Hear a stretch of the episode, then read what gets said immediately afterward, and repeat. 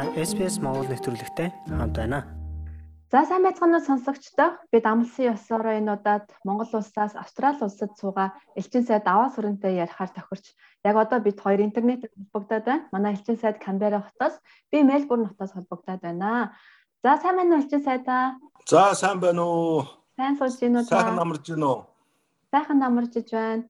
За ойрт манай элчин сайдын яамнаас олон сайхан мэдээ сонсогдох боллоо. Энэ бол За зөвхөн Австрали дахь монголчууд төдийгүй Монголдоо байгаа монголчууд өөр бусад улсын монголчууд ч бас сонирхож байна. Энэ бол Монгол Австралийн хооронд ажиллах болон амрах визийн хөтөлбөр хэрэгжиж эхлэхээр болж хоёр улсын засгийн газар хооронд санамж бичгээ сая байгууллаа. Тэгээд ямар ч гэсэн 100 залуус Австралид ажиллаж амарч болох юм байна гэсэн мэдээллийг бид нар авсан. Тэгээд энийг цааш нь дэлгэрүүлээд олон залуус хэрэгтэй мэдээллийг хуваалцаасай гэж бодож байгаамаа. Тэгээд цаг зав гаргаж бидэнтэй ярилцахаар болсон танд маш их баярлалаа. За Австралид шинэ элчин сайдтай болсон гэд бид нар бол ерөнхийдөө мэдэж байна. Гэхдээ яг таныг бол бас хараахан таньж амжааг байна. Тэгээ та юуны өмнө манай сонсогчдод өөрийгөө танилцуулахгүй юу? За баярлалаа. За юуны өмнө сонсогчдоо одоо уулзуулж учруулж байгаа ундраада баярлалаа. Та бүхний өмнөөс одоо сонсогчдоо одоо энэ өдрийн мэндийг хүргье. За миний даваас руу сая элчин сайдаар 11 сар томлогдоод үүрэгт ажилдаа ороод ингээд ажиллаж байна. За би өөрөө болохоор 1994 онд Москвагийн олон улсын харилцааны дээд сургуулийг төгсөө тэр үеэс хойш нь гадаад харилцааны системд ингээд ажиллаж байгаа юм хүн байгаамаа. За гадаад харилцааны яамны одоо улс төрийн газар, Аз Америк олон улсын байгууллагын газар бүхэл газруудаар дамжчихсан. Тэгээд э, мөн одоо Сөүлд суугаа Монгол Улсын элчин сайдын яамд консул буюу консулын хэлтсийн дараагаар нэгдүгээр нэрийн бичгийн дараагаар ингэж ажиллаж байсан. За дараа нь бас э, ерөнхий сайдын гадаад бодлогын зөвлөхөөр ажиллаж байсан.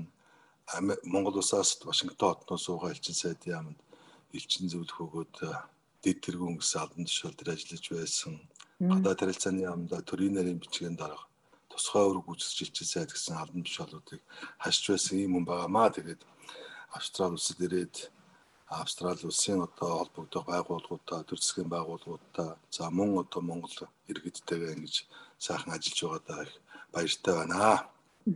Австрал тэгвэл ирээд бас харьцан удааг байгаа юм байна. Хэр суурьж чинь та, хэр тасж чинь нутагта. Өө сайхан нутаг юм а би урднаас ажиллаар ирээл очиж ирсэн ингэж яг удаан сууж ингэж амьдарч байгааг үнэхээр одоо цагаагаар тааламжтай сайхан газар байна. Аа. Сайхан шүү. Манай Австрал одоо бол бас яг цаг агаар харьцангуй сэрэх хүн болоод одоо монголчууд хүүтэн газараас ирсэн монголчуудад бол таатай улирал тохиогод байна. За тэгээд хоёулаа үндсэн ярианда оръё. Тэгэхээр Монгол улсын хувьд бол бас 2013 оноос хойш одоо миний ойлгосноор яриа хэлцээр хийснээ эцэст хоёр улсын засгийн газар хооронд одоо ажиллах амрах визний зохицуултыг хэрэгжүүлэх гэхээр болсон гэж одоо мэдээлэл гарсан. Тэгэхээр маш олон хүн энийг сонирхож байна. Тэгэхээр энэ визийг одоо Монгол улс авдаг болсноороо бидэнд ямар боломжууд нэгдэж байгаа вэ? Та ерөнхийд нь мэдээлэл өгөөд хоёлаа цааш нь наривчлаад яриад өгөө. За тэг энэ амрангаа ажиллах одоо виз ингээд э, сая 3 сарын 31-нд э, албан ёсоор гар үсэг сурагдлаа. За та хэлсэн. За нэлээд олон жил бас яригдсан ийм асуудал ингэж ажил хэрэг болж байгаад одоо элчин сайдын яамны хамт олон За гадаад харилцааны манай иргэд их баяртай байна. За энэ визний одоо гол онцлог бол ерөөсөө юу юм байгаа шүү. Би гол зорилгыг нэглэе. Энэ Австрали улсын засгийн газраас залуучуудын солилцоог дэмжих хүрээнд 1975 оноос эхлэн одоо хэрэгжүүлж байгаа ийм хөтөлбөр юм. Залуучуудын соёлын солилцоо. Анх одоо Их Британи, Умар Ирландын нэгдсэн хамт улстай одоо байгуулад тэгээд одоо өдгөө нийтдээ бол нэг 46 улстай ийм хөтөлбөр хэрэгжүүлж байна. За энэ э, хөтөлбөрийн одоо нэг давуу тал байна. Альва нэг э, виз гэдэг чинь зөвхөн одоо аяллийн виз гэдэг виз авдаг байсан бол а залуучуудад илүү боломж олгоод ажил нь сурлах суралцах боломжтой за мөн аялах боломжтой гэсэн гурван төрлийн ийм одоо виз авч байгаараа давуу талтай ийм онцлог виз юм аа гэдэг одоо хэлье да. Тэгэхээр визний тодорхой шаардлагуудыг бол манай Австралид амьдардаг монголчууд ч гэсэн нэлээд бичээд шеэрлээд байгаа харагдсан. Тэгээ эндээс харахад бол 30 хүртэлх насны дээд боловсралтай 100 залуусын гэсэн нэг юм ковот тавьсан байгаа тийм. Тэгэхээр энэ одоо яг яагаад ийм одоо 100 хүртэлх гэсэн ийм тоо тавьсан болоо. Тэгэхээр энэ тоо цаашаа нэмэгдэх боломжтой юу? Би зүгээр ингээд соёлын солилцоо гэхээр илүү олон монгол залуучууд ирээд соёл сураасаа л гэж хараад байна л та. Тооны хувьд. Аа их зөв. Тэгээ сайхан асууд.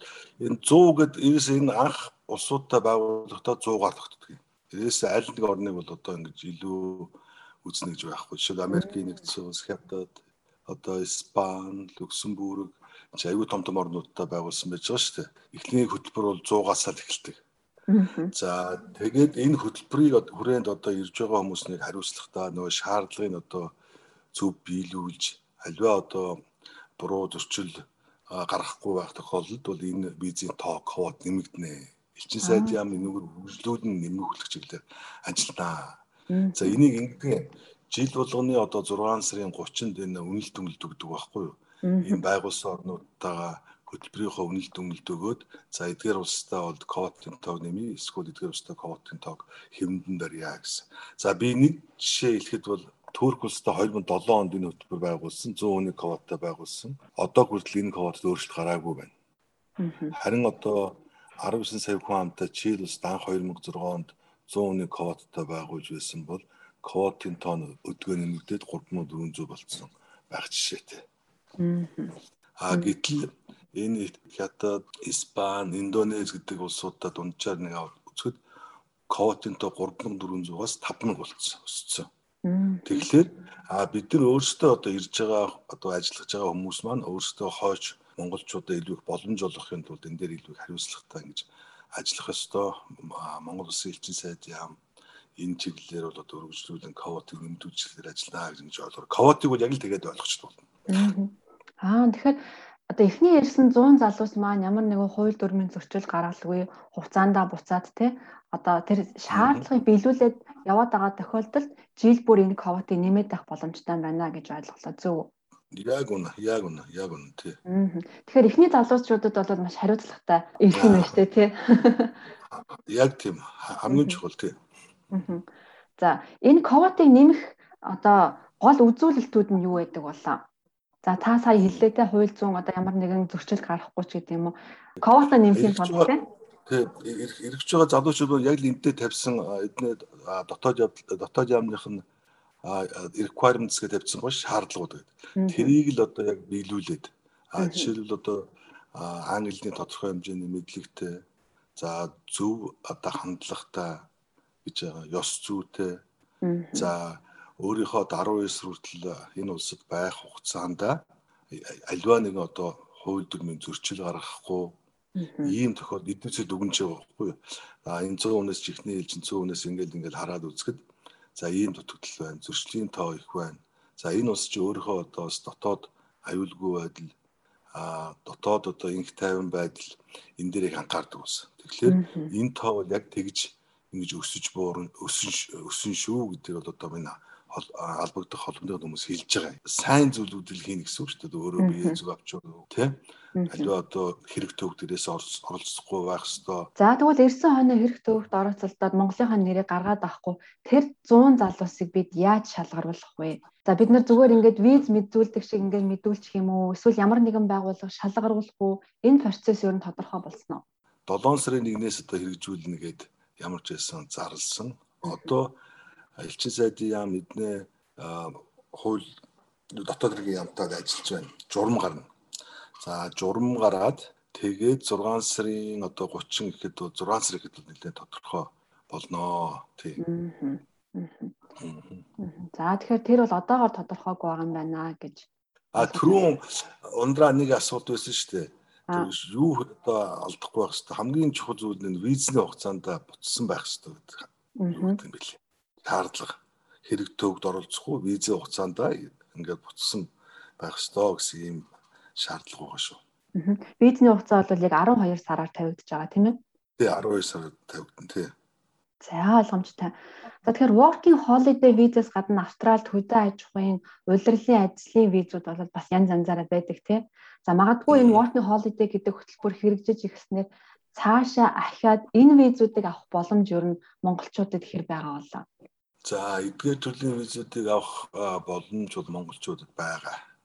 За ялангуяа энэ хөдөө аж ахуй, газар трайлан, хөдөө аж ахуй дотор ялангуяа энэ одоо энэ мал аж ахуйн салбарт а эднийхээс одоо суралцах зүйлүүд их байгаа. Тэгэхээр бид нар бас энэ талаар бол яриа хэлцээг бол одоо ихэд ихлүүлсэн байж байгаа. Ялангуяа энэ мал аж ахуйн салбарт эднийх бол нэлээд өндөр хөгжсөн. Хөдөөж газар трайлингийн салбарт эднээс одоо эдний нөө хав а туршлагыг одоо харилцан хуваалцах ёстой гэсэн ийм байр суурийг бол бас нэлээд илэрхийлж байгаа. За үүнийг ч одоо манай Австрал анд өхөд маань нэлээд бас тодорхой хэмжээгээр ойлгон үлээж авч байгаа. За мөн одоо хоёр улсын одоо харилцаанд нэлээд өндөр ач холбогдол өгж байгаа.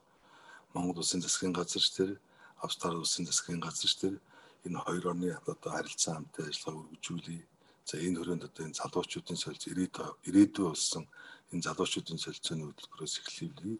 Цаашд олон одоо салбар руу ингээд салбарлан одоо хөгжих ийм сайхан ирээдүй тавигдана гэж ингэж найдаж байгаа хоёр тал тийм. Тийм ч утгаараа сая манай төрийн нарийн бичгэн дарга ирж зөвлөлтөө уулзалт ингээд амжилтаа хийгээд ингээд буцсан байж байгаа. Энэ үеэр ч гэсэн одоо энэ асуудал яригдсан. Цаашд одоо нүдэ аж ахуй ялангуяа мадаж ахуй салбарт Монгол улсын одоо харилцсан одоо солилцох ийм одоо боломж байна гэсэн ийм зүйлийг ярьж байгаа. Тэгэхээр working holiday гэдэг энэ зөвхөн нэрнээс нь харахад л энэ бол зөвхөн ажиллах мөнгө олох боломж бол биш те. Бүтэн нэг жилийн хугацаанд Австралид аялаад за дээр нь 4 4 сар хүртэл сурах хэрэгтэй виз байгаа шүү дээ. Тэгэхээр та залууст энэ боломжийг ер нь яг ямар өнцгөөс нь хараасаа гэж хүсэж байгаа вэ?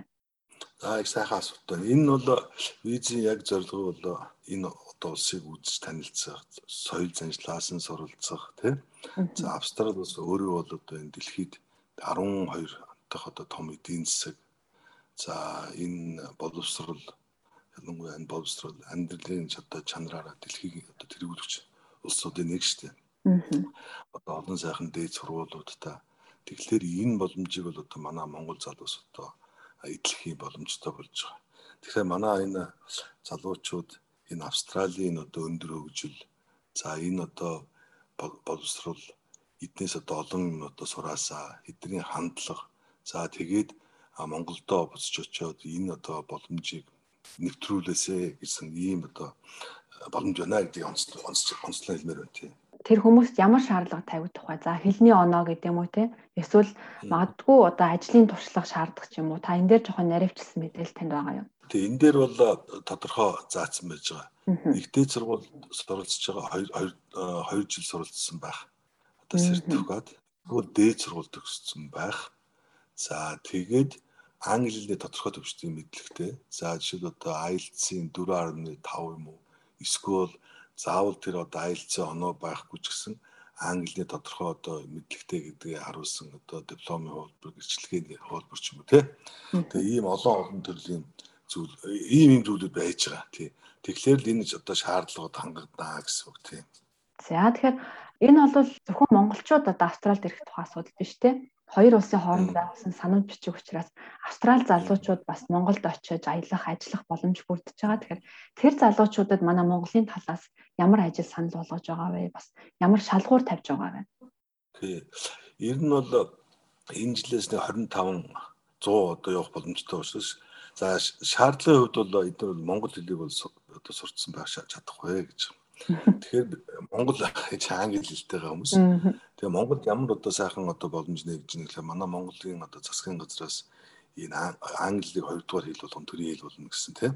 Тэгээ энэ үндсэн хүрээнд бол одоо эдгээр Монголд аялангаа Монголын сайхан нутгаар одоо хөдөө орон нутгаар аялангаа англи хэлийг одоо монголчууд одоо заах ийм сайхан үг таалга бас нэгж байгаа.